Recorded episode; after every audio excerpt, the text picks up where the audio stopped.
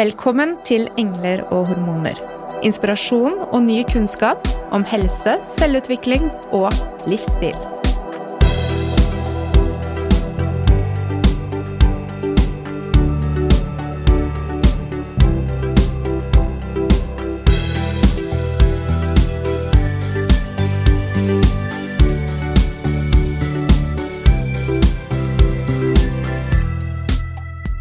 Vaksiner.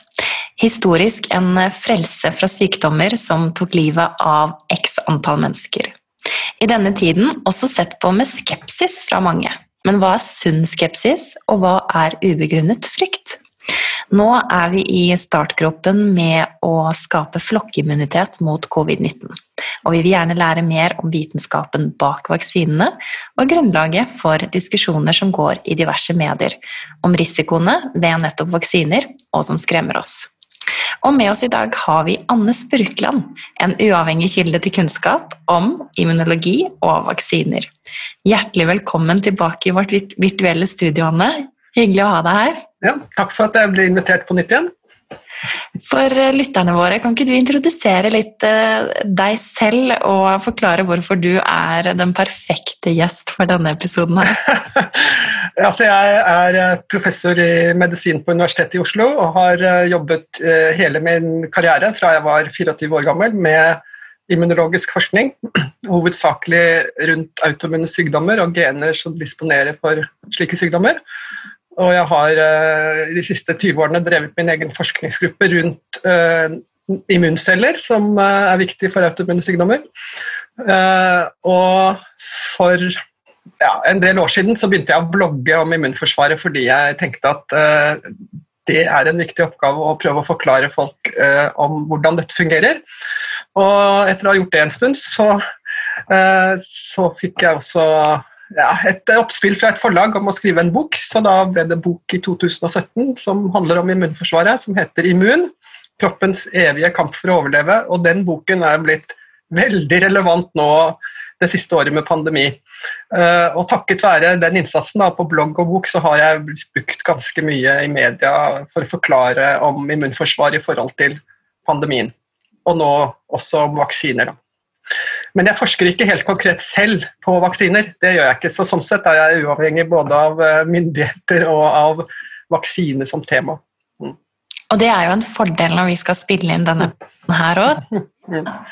Ja, jeg syns kanskje det, altså det har liksom vært min rolle da, å snakke og forklare om immunforsvar og vaksiner uten egentlig å ha noen annen agenda enn at jeg syns det er viktig at folk forstår dette best mulig.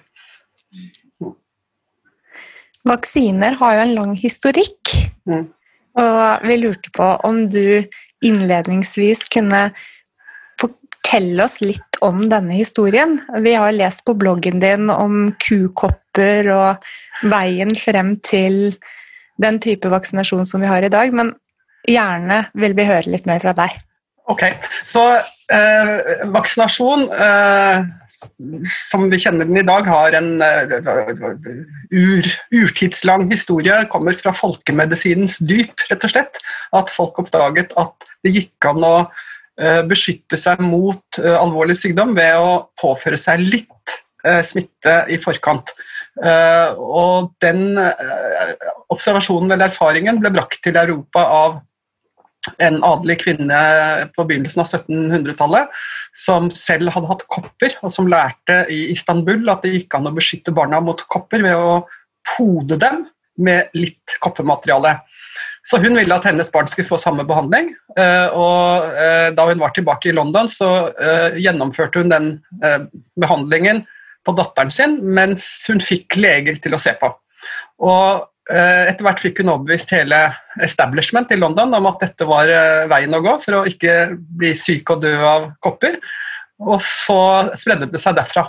Og så eh, tok det sånn omtrent 80 år før eh, en annen folkemedisinsk kunnskap, nemlig erfaringen av at hadde du hatt kukopper, så fikk du ikke koppene. Den, den kunnskapen fantes på landsbygda, og folk sannsynligvis podet seg selv med kukopper eh, lenge før det ble vitenskapelig erkjent. Eh, men da var det altså et sammenfall mellom en lege som drev med poding av kopper, som registrerte at de som hadde hatt kukopper, de reagerte ikke på koppepodingen han eh, holdt på med. Og så bestemte han seg for å prøve ut om kukopper kunne faktisk beskytte mot kopper. Og fant fort ut at det gjorde det. Og fra den begynnelsen så ble kukoppepoding den eh, etablerte måten å beskytte mot kopper på. Helt fram til våre dager. Jeg er kukoppepodet. Uh, kanskje ikke dere, for dere er litt yngre enn meg, men, uh, men det, det, det, sluttet man med først etter at kopper som sykdom ikke lenger fantes i verden. Så vi har klart å utrydde én sykdom ved hjelp av vaksine hittil. Og så, uh, men så da, som Historien må hoppe enda 80 år fram til fra, fra den oppdagelsen på slutten av 1700-tallet, så vi kommer fram til sånn 1880 omtrent. Da har Louis Pasteur oppdaget at man kan beskytte eh, dyr mot en bakterieinfeksjon hvis man først utsetter dyret for svekket bakterie av samme slag. Og Den svekkede bakterien gir ikke sykdom, men den ga beskyttelse slik at neste gang man prøvde å provosere dyret med bakterier, friske og fine bakterier, så ble ikke dyret sykt. Og Han gjorde et offentlig forsøk med stor, stor oppmerksomhet for å vise at han kunne beskytte sauer mot miltbrann. Så han hadde svekket bakterier mot miltbrannbakterier. Og så eh, Han immuniserte dem to ganger, og etter eh, to uker etter siste dose så ga han dem potent miltbrannbakterie. Og de sauene som hadde fått denne beskyttelsen på forhånd, denne injeksjonen, de levde helt fint. Og de sauene som ikke hadde fått beskyttelse, de var alle sammen døde, for det er ekstremt dødelig sykdom. Og den oppdagelsen var liksom den tidens kjempenyhet. Det var 1881. Og han eh, Pastør var det som foreslo da at for å hedre den første legens minne, han som koblet kukopper og kopper, den legen eh, kalte den behandlingen vaksine, og, og, for å hedre det minnet der, så ville Pastør at all slik behandling skulle kalles vaksine. Så, så ordet vaksine det kommer fra kukopper. Vaksinia er navnet på kukopper på latin. Eh, men nå syns jeg kanskje at vi godt kunne kalle det med det mer vitenskapelige navnet immunisering. Vi vil lage en immunreaksjon før vi får sykdommen.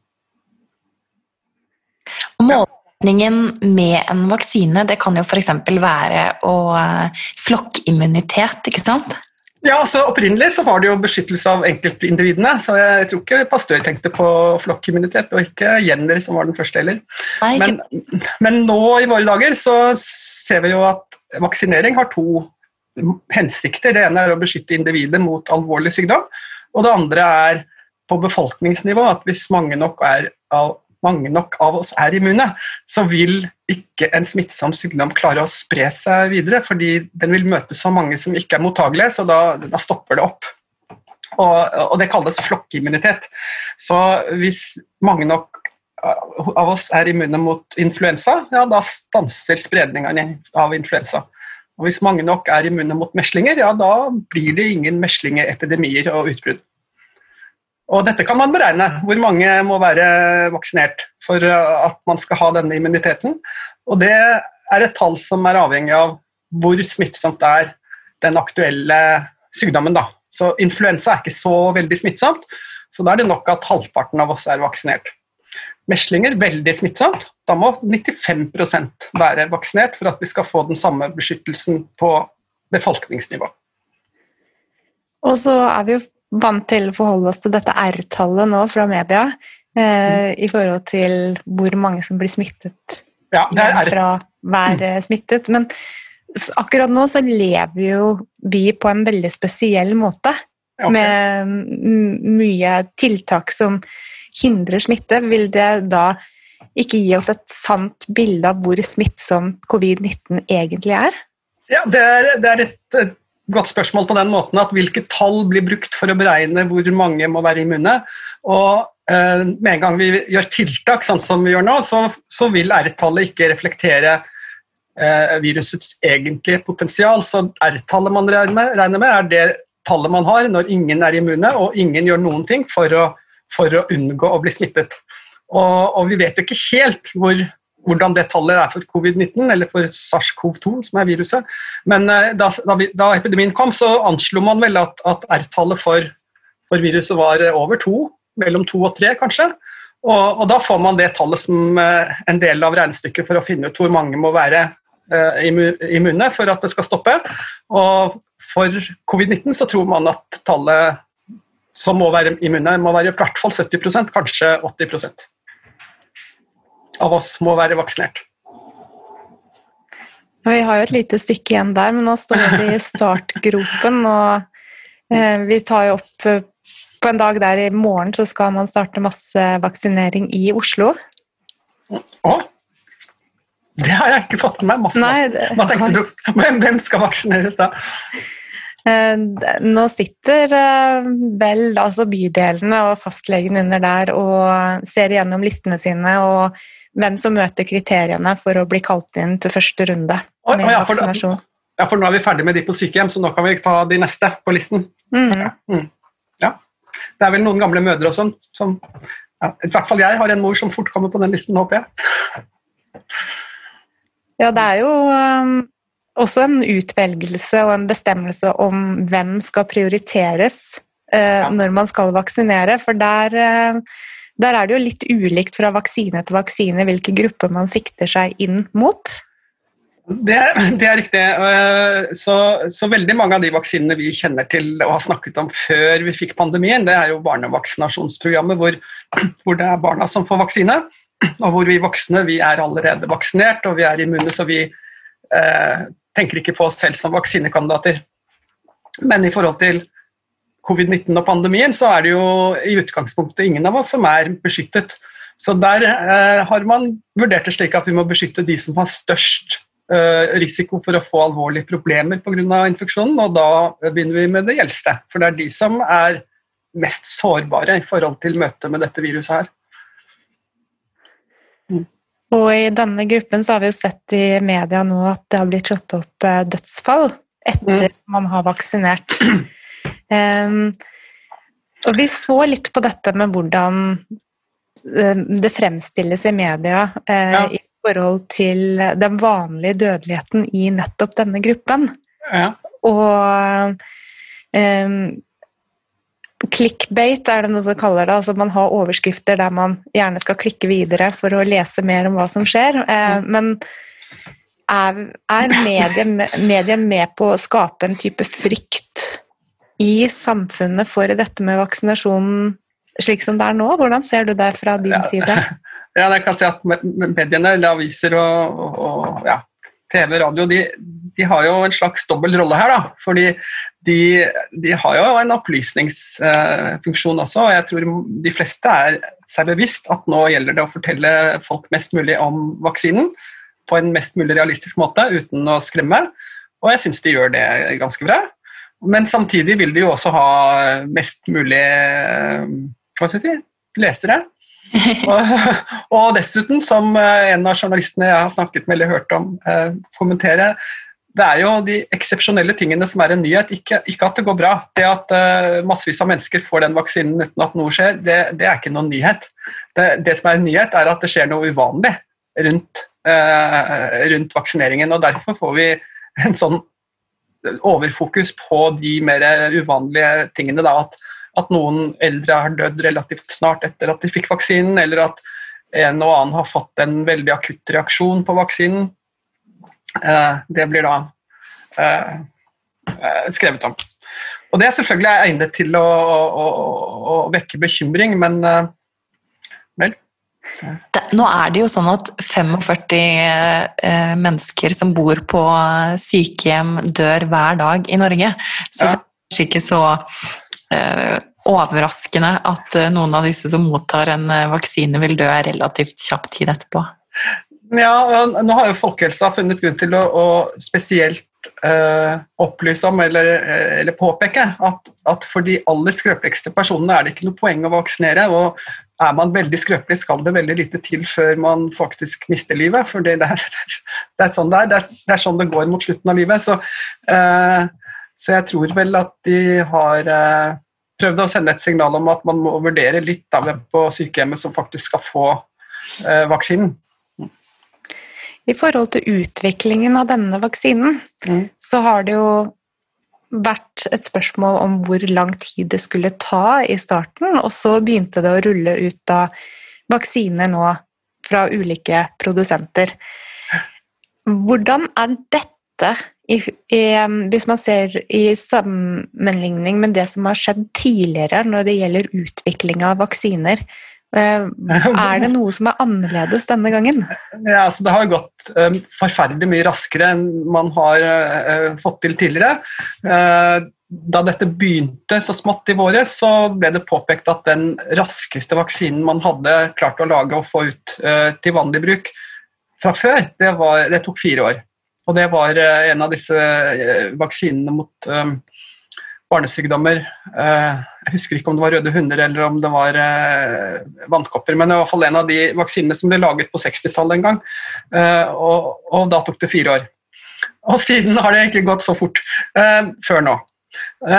men jeg syns det er viktig å, å, få sagt veldig tydelig at selv om det ser ut som dette har gått ekstremt raskt, så har det vært en forhistorie som ikke nødvendigvis er kommet så tydelig fram i offentligheten, og det er at uh, dette har vært uh, et langt utviklingsarbeid på teknologisiden for å gjøre det mulig å bruke uh, de ulike si, plattformene tilgjengelig for å lage vaksine. Så vi har fått to vaksiner som baserer seg på mRNA, altså budbringer-RNA, som er de to som nå er i bruk i Norge.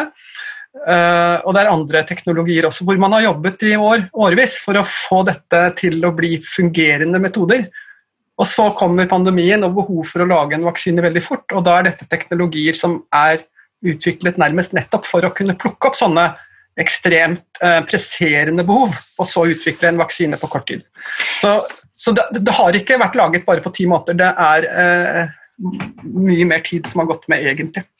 Kan vi ikke komme nå litt inn på hva er det det egentlig betyr, dette mRNA-vaksine? Messenger-RNA? Budbringeren, ja. som du sier. Ja, altså, eh, det er en teknologi som jeg syns er fantastisk eh, interessant. Og eh, på, på, forskjellige måter. Men det, det, det er altså eh, for at eh, kroppene våre skal fungere, så har vi arvestoffet vårt lagret i et arvestoff som kalles DNA. og Det er et veldig stabilt molekyl som eh, kroppen tar vare på i en egen del av cellen, i cellekjernen, og der blir det liksom, kontrollert og sjekket hele tiden. Når det skal brukes, så blir det laget avskrifter av, ved hjelp av et annet arvestoff som heter RNA. Og når det er uh, klart til bruk, så kalles det messenger-RNA eller budbringer-RNA. og Det blir sendt ut av cellekjernen og brukes i resten av cellen, altså i cellevæsken. Uh, og det er et slags forbruksvare. Så, så, når cellen trenger å lage et protein, så lager den mRNA. Og når vi ikke trenger å lage protein lenger, så brytes mRNA ned og forsvinner. Eh, så det blir som en slags eh, ja, jeg kopimaskin. At, at, det er en kopimaskin som lager alle disse kopiene. og Når vi er ferdig med å bruke dem, så fjernes kopiene, eh, så man ikke forstyrrer resten av virksomheten. Så, så her har man altså brukt akkurat det molekylet mRNA som, som utgangspunkt for å lage vaksine. og I stedet for at man lager det kroppen skal lage immunreaksjon på, at det lages utenfor kroppen i en fabrikk et eller annet sted, og så puttes i et uh, vaksinerør og sendes ut i verden, så har man bare puttet oppi det cellene trenger for å lage proteinet selv. Så vaksinen består av en instruks til å lage virusproteinet, og så vil eh, celler på injeksjonsstedet plukke opp det mRNA, begynne å bruke det, lage proteinet, og så vil det være utgangspunkt for en immunreaksjon. Du snakket jo ved forrige episode om eh, disse fine spikes-proteinene som vi har ja. Eh, på cellemembranen, og at det er her eh, løsningen sitter. Hvordan er det vaksinen vil fungere på, på disse, sånn som vi kjenner til i dag? Ja, også Spike-proteinet det er ikke cellemembranen, det er i den membranen rundt viruset. Altså Viruset er pakket inn i litt fett fra cellemembranen, og der sitter spike-proteinet. Så det, eh, Viruset bruker spike for å feste seg på våre celler og komme inn i dem og, og, og, lage kopier av seg selv. Så det er Starten av en infeksjon er avhengig av spike, og det blir ikke noen infeksjon hvis spike eh, ikke er der eller er endret eller er blokkert. Så, så vaksinen, mRNA-vaksinen inneholder oppskriften på spike-protein, og, og, kroppen vår begynner å produsere spike. Og Så blir det laget en immunreaksjon mot spike-proteinet, og den består av to deler. Det ene er antistoffer som binder seg til spike-proteinet på ulike steder. Og, det vil hindre spike i å fungere, så viruset kan ikke feste seg. Og så lages det også eh, parallelt eh, immunceller som kalles T-celler, og som så eh, reagerer på alle celler som produserer spike, og som fordi de produserer spike, også vil vise det på overflaten eh, med små biter av informasjon som disse immuncellene kan eh, registrere. Og så vil immuncellene drepe de cellene som produserer spike. Og det vil være virusinfiserte celler. Så med de to tingene til sammen så kan kroppen kvitte seg med viruset og dermed være eh, immun. Hindre viruset i å etablere seg og fjerne det hvis det kommer. Det er jo helt fantastisk, da. Hvordan? Ja, det, ja, jeg syns det er kjempeinteressant, men det som jeg også syns er fantastisk interessant med mRNA, som jeg gjerne vil få forklart, det er at eh, for en celle å få et fremmed arvestoff inn i seg, det er ekstremt farlig. Det oppfattes som en mulig virusinfeksjon, så cellen har mange måter å prøve å hindre at det skjer på. Og hvis det skjer, hvis, hvis arvestoff er kommet inn i cellen og det er fremmed, så vil det registreres av cellen, og cellen produserer signalstoffer som sier fra til naboene at hei, jeg er syk, og dere må gå i lockdown. Og det som har vært begrensningen for å lage mRNA-vaksiner, er at det oppfattes på samme måte. Det oppfattes også som fremmed når det kommer inn i cellen. Og de første forsøkene på å lage denne vaksinen var ikke vellykket i det hele tatt, fordi kroppens reaksjon ble så kraftig. Så det man har gjort i utviklingen av vaksinen, er at man har forstått at det går an å lage modifisert mRNA som ikke er like potent, som ikke kroppen reagerer like sterkt på, slik at eh, reaksjonen blir sånn akseptabelt kraftig. Og jeg tror kanskje det er en av hemmelighetene ved at denne vaksinen fungerer så veldig bra, fordi den minner kroppen om et virus uten at det gjør det viruset gjør, nemlig alle mulige forsøk på å unngå immunforsvaret. Virus har nemlig utviklet mange måter å, å snike seg unna dette systemet på. Koronavirus i særklasse veldig god på det. Men mRNA er helt uskyldig og gjør absolutt ingenting for å unngå å bli oppdaget. Og dermed får man en veldig god immunreaksjon. Bedre kanskje enn viruset selv klarer å lage. Når immunreaksjonen da skjer i kroppen, hva slags eh, bivirkninger er det å forvente? Eh, ja, altså, Altså det, som, eh, det, er jo rapportert at du denne, når du får denne vaksinen, så får du eh, bivirkninger i form av vondt i armen, eh, kanskje feber, blir trett og ja, uvel en dag eller to. Sånn influensalignende symptomer.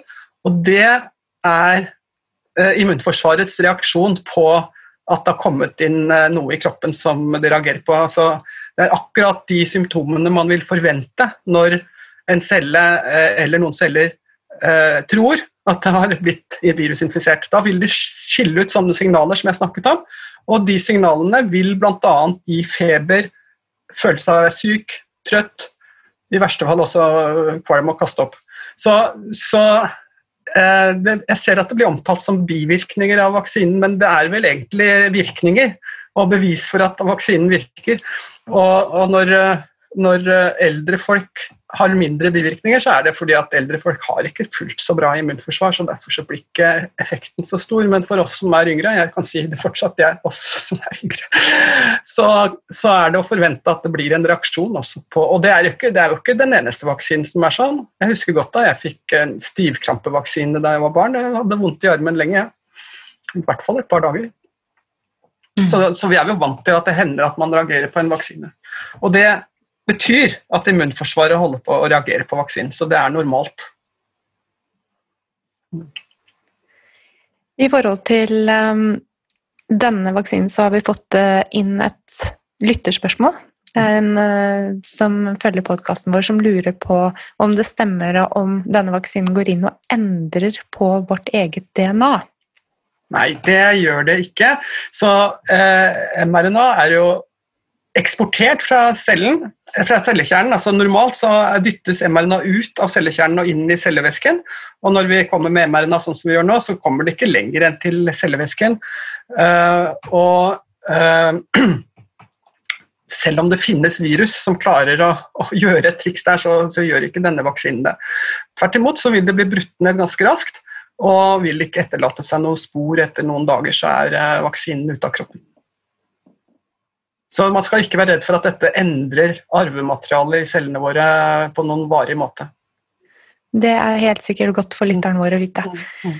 Og så um, er det jo dette med tidsperspektivet og tilbake til utviklingen av vaksinen. Det er mange som lurer på, er Har det blitt testet ut bra nok til ja. at vi kan vite at det er trygt å velge ja. å ta denne vaksinen? Ja, altså det, alt som har med covid-19 å gjøre, jo, har vi jo et kort perspektiv på. Det er eh, et lite år siden det første kasuset ble rapportert fra Kina, og det er fortsatt ikke et år siden vi gikk i lockdown og de første menneskene i Norge fikk, eh, ble syke. Så, og når det gjelder vaksinen, så er det selvfølgelig enda kortere observasjonstid vi har, så vi kan ikke si noe om hvordan dette blir på lengre sikt. Vi kan ikke si sikkert at vaksinen ikke vil hos noen gi en eller annen sjelden bivirkning som vi ennå ikke har sett. Altså, det har alle som har med dette å gjøre, vært helt åpne på at det vet vi ikke noe om. Men vi har observert eh, mange nok over eh, lang nok tid til å si at eh, denne vaksinen er trygg for de aller fleste, fordi det har ikke vært noen ja, bivirkninger av betydning blant de til sammen ca. 50 000 menneskene som har fått én av de tre vaksinene som nå er kommet lengst, nemlig Pfizer, Moderna og Oxford AstraZeneca-vaksinen. Alle de tre er basert på lignende teknologi og retter seg mot spike-proteinet. Og de 50 000 som har fått vaksine og vært fulgt opp i en studie, der har ingen fått noen alvorlige bivirkninger. Og 50 000 mennesker. Det betyr at det er mindre enn 1 på 50 000 sjanse for at det skal skje noe alvorlig eh, i forhold til vaksinen i de første to-tre månedene. Og deretter vet vi jo ikke, men sjansen for at det skal skje noe alvorlig etter, etterpå, jeg, jeg, tror ikke det. altså. Og, så det må man bare man må bare ha tiltro til at eh, i valget mellom vaksinen og å bli smittet med covid-19 Vi vet nok om covid-19 til at vi vet at der er det ganske stor sjanse for å få alvorlige bivirkninger som varer ganske lenge. Ikke sant, For hvilke farer er det vi utsetter oss for ved å ikke delta i dette vaksinasjonsprogrammet? Altså, det er en risiko ved å ikke delta. og den Risikoen er at du kan bli smittet med covid-19. og Vi har brukt mye krefter nå på å unngå å bli smittet med covid-19 i Norge. altså Fortsatt er det ikke mer enn 3 eller 4 kanskje færre, som har faktisk blitt smittet i Norge. Men vi ser jo hvordan det går i andre land, f.eks. nå i England så er det altså eh, akkurat nå 4% som er smittet av covid-19 i London. Mm. Og i tillegg alle de som var smittet før. Eh, og vi ser at mange av de havner på sykehus og blir alvorlig syke. Og de som ikke havner på sykehus, mange, mange av de får langvarige sykdomsforløp. Alt dette vet vi. Og sjansen for det er ganske stor. Men vi vet at 50 000 mennesker er blitt vaksinert med spike-protein og har ikke opplevd noe ubehagelig de neste to-tre månedene. Så, så, jeg tror at risikobildet her går veldig i vaksinens favør. Og alternativet er ikke vaksine og ingenting. Alternativet er vaksinen og mulighet for å få covid-19. Mm. Og syv av ti rapporterer om uh, senskader etter uh, covid? Ja, akkurat hvor mange som opplever senskader, det, det, det, er jo et litt vanskelig tall. Men uh, for mange så er covid-19 en sykdom som varer to eller tre uker, men for forbløffende mange så varer det i mange flere uker. Og akkurat hvor mange som har langvarige symptomer, det jeg syns det er litt vanskelig å, å Jeg har ikke sett ordentlig gode tall på hvor mange det kan være, men eh, hvis man sier 10% da, som opplever at det varer lenge før man blir frisk, eh, så er det ganske mange i forhold til eh, altså Hva vil du velge? Hvordan vil du bli immun mot covid-19? Jeg foretrekker vaksine, for jeg anser det for å være minst bry, rett og slett. Og så er det nettopp dette med immunitet, da. Fordi ja. spørsmålet er er man immun etter at man har hatt covid-19, og hvor lenge? For det vet vi heller ikke. Ja, det begynner vi å vite litt mer om nå, da.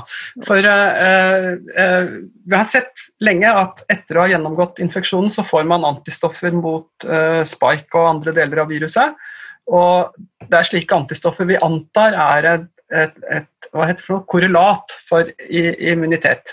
Altså, du vet ikke om du er immun før du faktisk ikke blir syke igjen da, når andre blir syke, men, men det er et, et, et korrelat. Og Så er spørsmålet hvor lenge har du de antistoffene. Så har man prøvd å følge folk over tid for å se hvor lenge de varer. Og, og nå har vi jo ti måneders observasjonstid, så nå begynner vi å se at ja, man har antistoffer i åtte måneder, sånn typisk, hvis man har hatt infeksjonen. Faller litt, men man har den i hvert fall i åtte måneder. Uh, og nå Helt nylig var det en rapport som kom uh, av helsearbeidere i England, hvor jo da de hadde en kraftig topp også i våres. Og da var det 10% av helsearbeiderne som ble smittet, sånn omtrent. Så de har uh, gjort en oppfølgingsundersøkelse av en gruppe på 11 000-12 000 av de helsearbeiderne. Og funnet ut hvem har antistoffer, og sett på over tid hvor mange er det nå som får covid-19 smitte i denne perioden.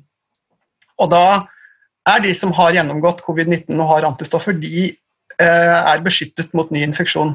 Så de får, de får sjeldnere ny smitte enn de som aldri har hatt smitten. Uh, ja.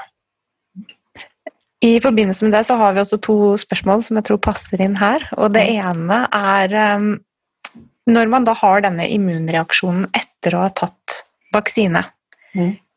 er man da en person som kan smitte andre med covid-19? Ja, Det er også et, et, vanskelig spørsmål på den måten at dette har ikke vært undersøkt. Eh, den studien jeg nettopp refererte til, er den første studien jeg har lest hvor man faktisk har undersøkt om antistoffer mot covid-19 etter naturlig smitte beskytter mot ny smitte. Og Konklusjonen er at ja, det gjør det. Eh, om det beskytter bedre eller er like bra som vaksinen, det, det, det fikk jeg ikke ordentlig ut av artikkelen, men, men, det beskytter. Uh, og Uh, og så er spørsmålet, men, det, men, de svarer jo ikke på om man da eh, De har ikke svart på om man eh, ikke smitter andre, de heller. Og, og selve den vaksineforsøkene har heller ikke undersøkt og vurdert om man i mindre grad smitter andre. Så, så, den undersøkelsen har ikke vært gjort, og dermed sier man at dette vet vi ikke. Underforstått, det kan være usikkert om vaksinen beskytter mot videre smitte. Men hvis man skal se på hva som er sannsynlig, så vil jeg si at det er veldig sannsynlig at vaksinen faktisk beskytter mot smitte, ut fra hva vi vet om andre vaksiner og annen form for immunitet. For eh, mRNA-vaksinen gir veldig god produksjon av antistoffer, og bedre, vel så bra, eller bedre enn det naturlig infeksjon gjør. Og grunnen til at det gir bedre eh, antistoffer, mer antistoffer enn naturlig infeksjon, tror jeg kanskje har med det jeg nettopp sa, at koronavirus er mester i å snike seg unna det uh, immunforsvaret som hver enkelt celle har. Så immunreaksjonen blir litt påvirket av det, blir ikke så bra som den ville vært hvis uh, ikke korona var, var, sånn mester i luring. Uh, så derfor, får du mRNA-vaksine, så får du en, en, bedre og mer robust immunreaksjon. Og, og, og jeg tror at det kommer til å bli klart etter hvert at det også beskytter mot videre smitte. Eh, i hvert fall langt på vei. Mm. Hvor lenge vil man være immun, eh, tror du, etter, eh, etter en vaksine? Ja, Det er jo heller ikke mulig å svare på fordi vi ennå ikke har sett lenge nok på det. Men eh, eh, altså, immunitet er jo da delvis avhengig av hvor lenge produserer man antistoffer, og har man, hvor lenge har man hukommelsesceller som lager antistoffer og, og immunreaksjoner. Hvor lenge kommer de til å være i kroppen etter vaksinasjon eller infeksjon. Og, og som jeg sa i stad, man har sett at etter åtte måneder har man fortsatt uh, slike antistoffer uh, hvis man har vært syk. Og uh, Moderna, som jeg står bak den ene av disse vaksinene, har jo gjort forsøk med folk ganske tidlig i fjor, slik at de nå kan se på de personene og, og gjøre vurdering av hvor lenge varer dette. og Det de sier nå, er at immuniteten vil iallfall vare ett år. Og, jeg tror at eh, vi vil se at den varer i flere år. Men det som kommer til å begrense det, er nok i hvilken grad viruset selv eh, endrer seg. slik at eh, når alle er blitt vaksinert, så vil jo det viruset som lar seg hemme av det, vil jo fort bli borte. Så de virusene som da vil lykkes, vil jo være de som endrer seg noe, sånn at det tross alt klarer å snike seg litt forbi dette. Så selv om ikke koronavirus er så veldig flink til det der, å forandre seg, så, så, vil det over tid sannsynligvis bli mindre god beskyttelse, fordi viruset har forandret seg, kanskje mer enn at vi ikke kan reagere på det opprinnelige viruset. Men det er jo også sånn det er med influensavirus eh, og vaksine fra sesong til sesong? Ja, det er vi vant til med influensavirus, og, og, vi er vant til at vi må ha nye vaksiner hvis vi skal være eh, ordentlig beskyttet. Så, så, så det som vi kan se for oss i framtiden, er vel at, at eh, hvis du ikke vaksinerer deg på nytt mot en oppdatert koronavirusvaksine, så risikerer du å bli syk av korona, men sannsynligvis ikke alvorlig syk. Det blir kanskje mer en kraftig forkjølelse. Mm. Hvor tenker du at vaksineskepsisen kommer inn hit, da, for om vi klarer å oppnå flokkimmunitet og ikke? Nei, Det kan jo påvirke, påvirke om vi også har glede av flokkimmunitet her. Altså Hver og en av oss vil jo ha vår individuelle beskyttelse mot å bli alvorlig syk. Men hvis ikke tilstrekkelig mange vaksinerer seg, så vil viruset sirkulere rundt eh, i befolkningen, og det vil lettere mutere og endre seg. slik at, at jo flere som er med på den solidariske handlingen det er å ta en vaksine, jo større sjanse er det for at vi får bedre kontroll over, eh, over, dette viruset, og at det blir mindre problem for oss. Jeg leste i avisen i morges at i Frankrike så er vaksineskepsisen så stor at bare 40% sier at de vil ta vaksinen, og det er klart at da har Frankrike et stort problem. Men ikke bare det. Vi som vil besøke Frankrike, har jo også et problem, for da kommer vi til et sted hvor koronavirus ikke har noen spesiell motstand og sirkulerer som bare det. Ja, det er jo um, også sett eh, ved andre vaksiner eh, som har vært egentlig systematisk satt eh, tradisjonsrikt i Norge, at det har vært enkelte miljøer der det har vært oppbluss av sykdommer som vi tradisjonelt er beskyttet mot. Eh, ja, Du tenker på at enkelte miljøer ikke har ønsket å vaksinere for alle barnevaksinene? Ja. ja. Mm. Ja, nei, det, Meslinger har jo spesielt vært i vandring da. Mange som er skeptiske til meslingvaksinen og sier at uh, ja, det er bedre å få meslinger enn å få vaksinen. Så man går liksom tilbake til uh, en mer sånn gammeldags strategi med smitteringer og la nå barna få disse barnesykdommene så fort som mulig. Eh, hva, hvordan er den strategien i forhold til å ta vaksinen? Hva er det man utsetter seg for? Altså, tanken er at det skal være mer sunt å få infeksjonen enn å få vaksinen. At det, det er mye bedre for immunforsvaret å arbeide med en infeksjon enn å arbeide med en vaksine. Og Der vil jeg si at eh, nei, det er ikke tilfellet. Fordi eh, infeksjoner de fins av en grunn, og de fins fordi at de mikrobene det gjelder, de virusene eller bakteriene det gjelder, de er flinke til å lure immunforsvaret. Og et immunforsvar som blir lurt, eh, strever. Og, eh, og det, Hvorfor skal man utsette immunforsvaret sitt for det? Det blir ikke noe bedre av det. Tvert imot vet vi nå at eh, meslinger er en infeksjon som svekker immunforsvaret. Det angriper hukommelsescellene i immunforsvaret, og tidligere vaksiner som barna har fått, eh, vil miste sin effekt fordi alle de hukommelsescellene risikerer å bli drept. Og så er barnet da i de neste årene eh, dårligere stilt enn det var før det fikk den meslinginfeksjonen. Og jeg kan ikke se at det er noen grunn til å utsette barnet sitt for det. Mm. Jeg vil si at det, det, Hvis det ikke var klart før, så er det i hvert fall klart nå. De, de publikasjonene som viser det med store bokstaver, kom for eh, et lite år siden. Og det kunne studeres fordi det finnes mennesker som ikke vil gi barna meslingvaksine. Og da fikk jo de barna av og til meslinger, da, så man kunne studere de helt ordentlig. Og da så man at jo, de barna mistet hukommelsescellene for de andre eh, infeksjonene de var blitt vaksinert mot. Eller hadde hatt eh, i forkant. Ikke sant, Så også sykdommer som de hadde Ja, ja.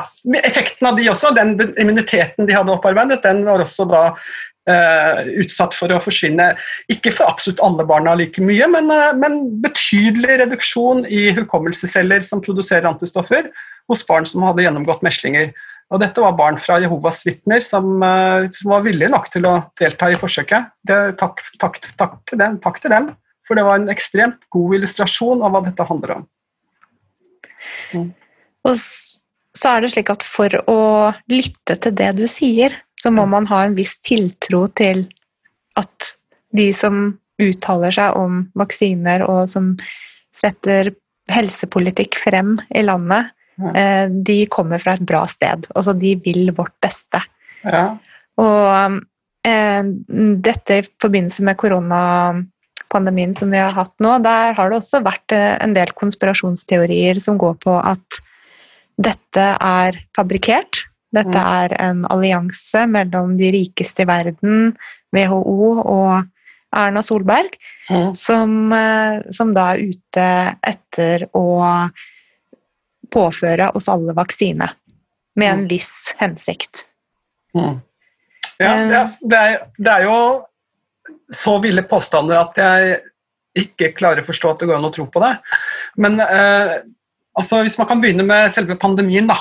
For det, hvis du skal være så eh, strategisk at du skal klare å gjøre en endring av verdensorden ved hjelp av en infeksjon, så, så ja, hvordan skal du gjøre det, liksom?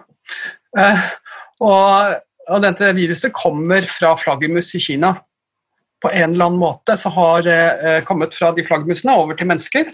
Og det fins eh, Flaggermus i Kina har veldig mange forskjellige koronavirus. Det har eh, vært mulig å studere de siste altså, Den første koronavirusepidemien var SARS som kom i 2003, og etter det i hvert fall har det vært en interesse for hvor stort er potensialet her for nye pandemier eller nye epidemier knyttet til koronavirus og flaggermus. Uh, og det finnes folk som lever i nærheten av sånne huler hvor det bor massevis av flaggermus. Og de menneskene som lever der, de går inn i flaggermushulene og henter ut guano, henter ut gjødsel til sine prosjekter på jordbruket sitt. Og de blir jo selvfølgelig voldsomt eksponert for hva det er som finnes inni de hullene, og puster inn støv med koronavirus osv. Så, videre. så det har vært mange mange muligheter for at koronavirus har kunnet smitte mennesker, og det har det garantert gjort i mange år. Og så Eh, og det kan man måle. Disse menneskene har antistoffer mot koronavirus. Og så på et eller annet tidspunkt så har det vært noen av disse virusene som har tilpasset seg mennesker. Om det har vært nødvendig med en annen vert i tillegg enn flaggermus, det er ikke sikkert. Det kan være at det er nok at det har vært eh, noen mennesker som tilfeldigvis det har vært liksom, eh, den verten som gjorde at eh, covid-19, SARS-CoV-2, eh, kom til. Det er der det kommer fra. Mm. Kan godt ta, du kan godt tro at det er Erna Solberg som har designet, eller at det er kineseren som har sluppet det løs, men det er ikke det. Altså, det, er, det, er, folk som lever så tett på flaggermus og går inn og henter gjødsel der, som, som er den mest sannsynlige eh, overgangs, overgangstransportveien mellom oss og flaggermusene. I hvert fall slik jeg har oppfattet det. Eh, og, ja, og dette, er, dette er beskrevet i, i vitenskapelig litteratur også mm. om disse hulene og whatnot. Så, um, så, så, ja.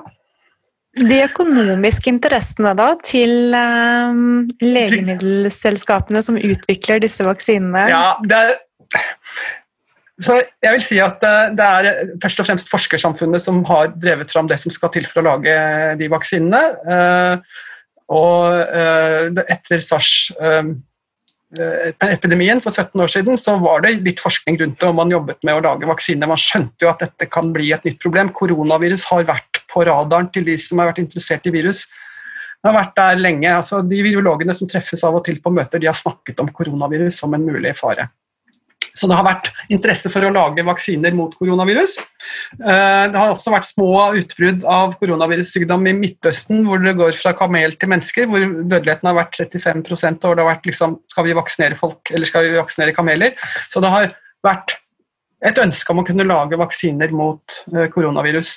Det som har vært Problemet er at problemet har ikke vært der. Altså det, problemet har vært at det, det, det, har ikke vært stor nok interesse for å putte penger inn i den forskningen til at uh, det har uh, legemiddelindustrien har i hvert fall ikke brydd seg. Det er 100% sikkert. Det har ikke vært en krone fra legemiddelindustrien for å lage vaksiner mot korona før nå. Uh, så dette har vært revet fram av forskere, som da har funnet fram til kunnskap som har vært relevant for utvikling av den aktuelle vaksinen. Blant annet så er spike et protein som Eh, påvirkes, endres i forbindelse med at viruset går inn i cellene. Så det å lage et spike-protein som ikke som er den førfusjonsversjonen, altså den stabile uh, spike som immunforsvaret treffer, det, det, å lage det som, sånn at det passer i en vaksine, det har man måttet jobbe med på forhånd. Det, det, var kunnskap man hadde når pandemien kom. Da hadde man fått klarhet i hvordan det skulle gjøres, og det var også flere års arbeid for å finne ut. Så veldig mye av det som ligger til grunn for vaksinene, er drevet av forskere og ikke av legemiddelindustrien.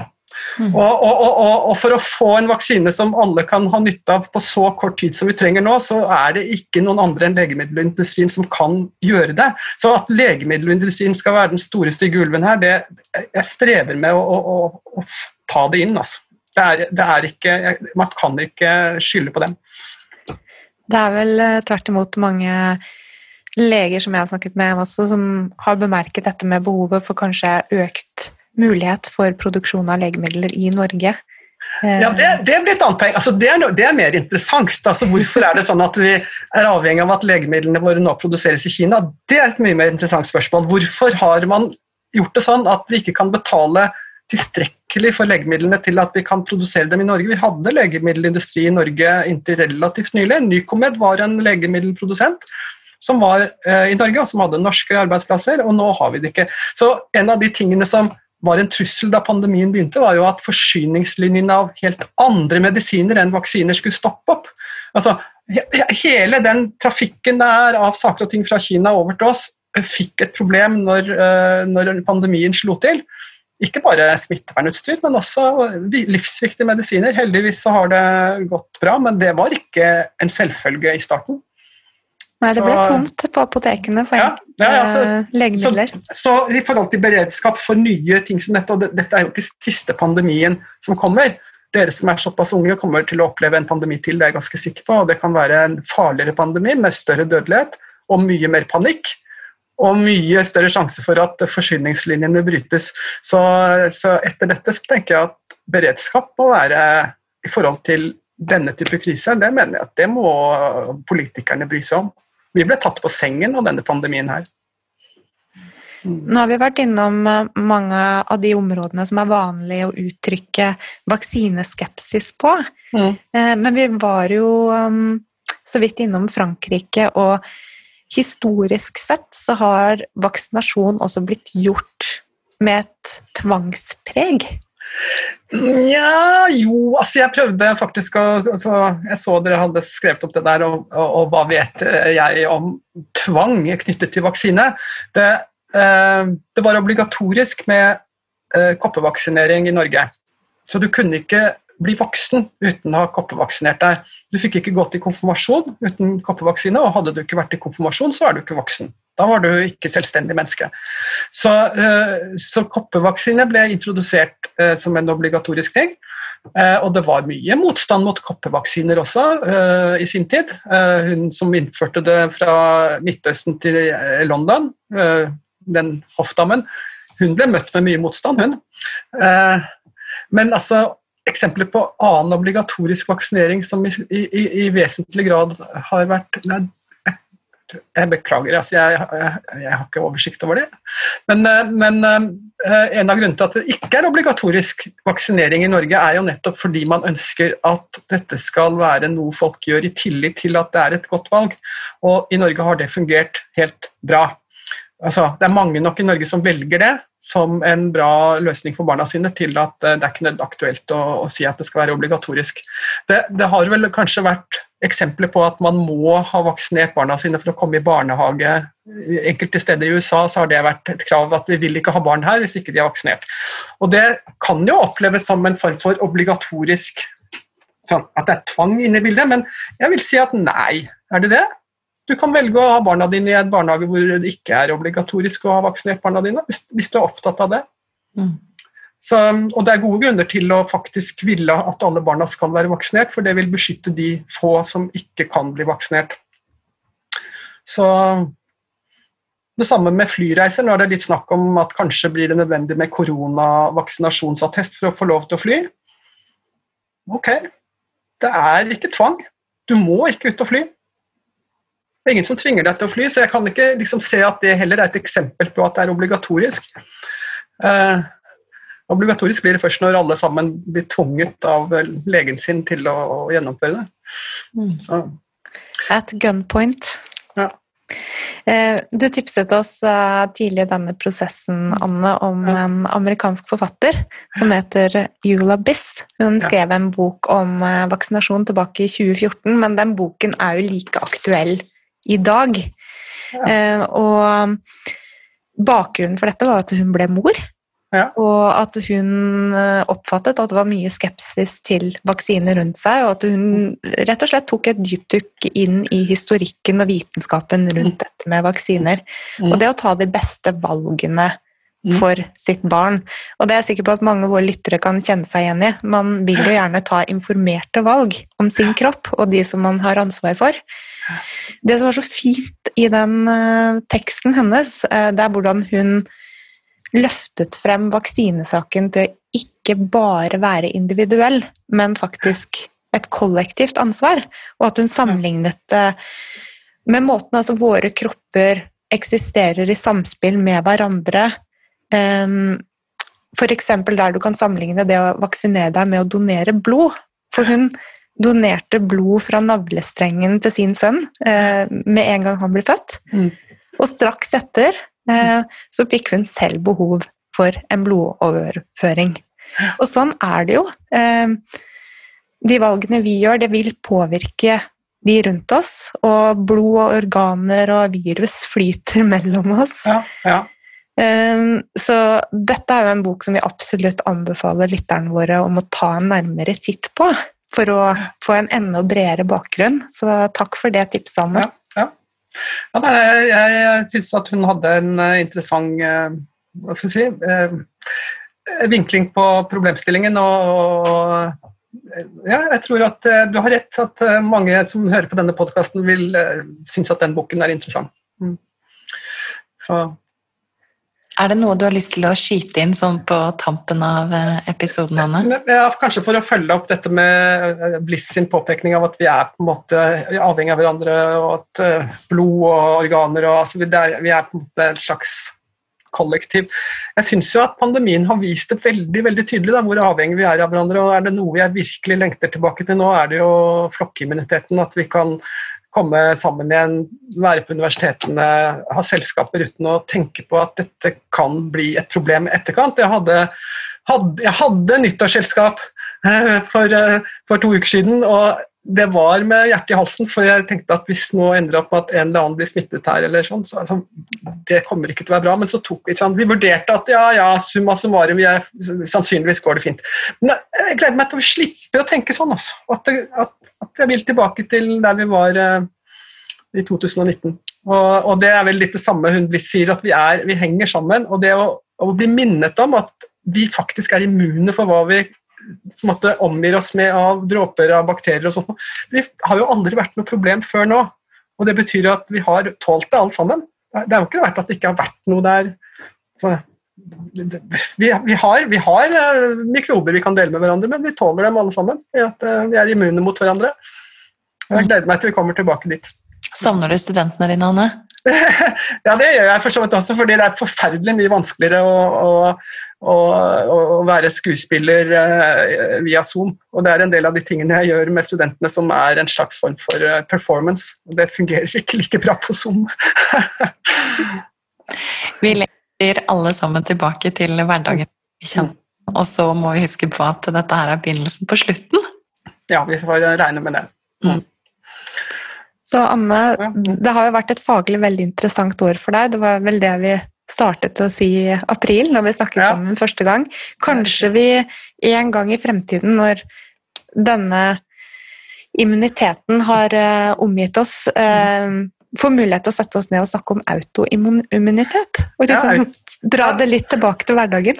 Det er gjerne det. Det er jo egentlig det jeg har vært interessert i før dette dukket opp. Da. Så Mm. autoimmune sykdommer det er eh, liksom bak, baksiden av medaljen. Vi har et immunforsvar, men vi må betale med autoimmunitet av og til. Ja. Tusen takk for at du igjen deler av din kunnskap på et veldig aktuelt tema. Mm. Ja, hyggelig å få bli invitert.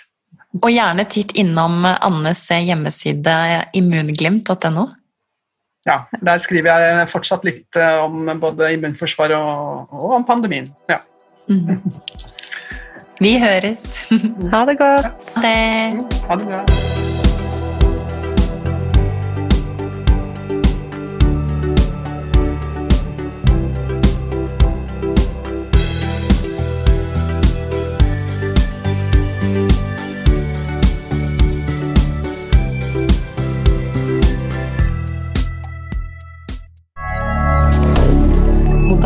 dire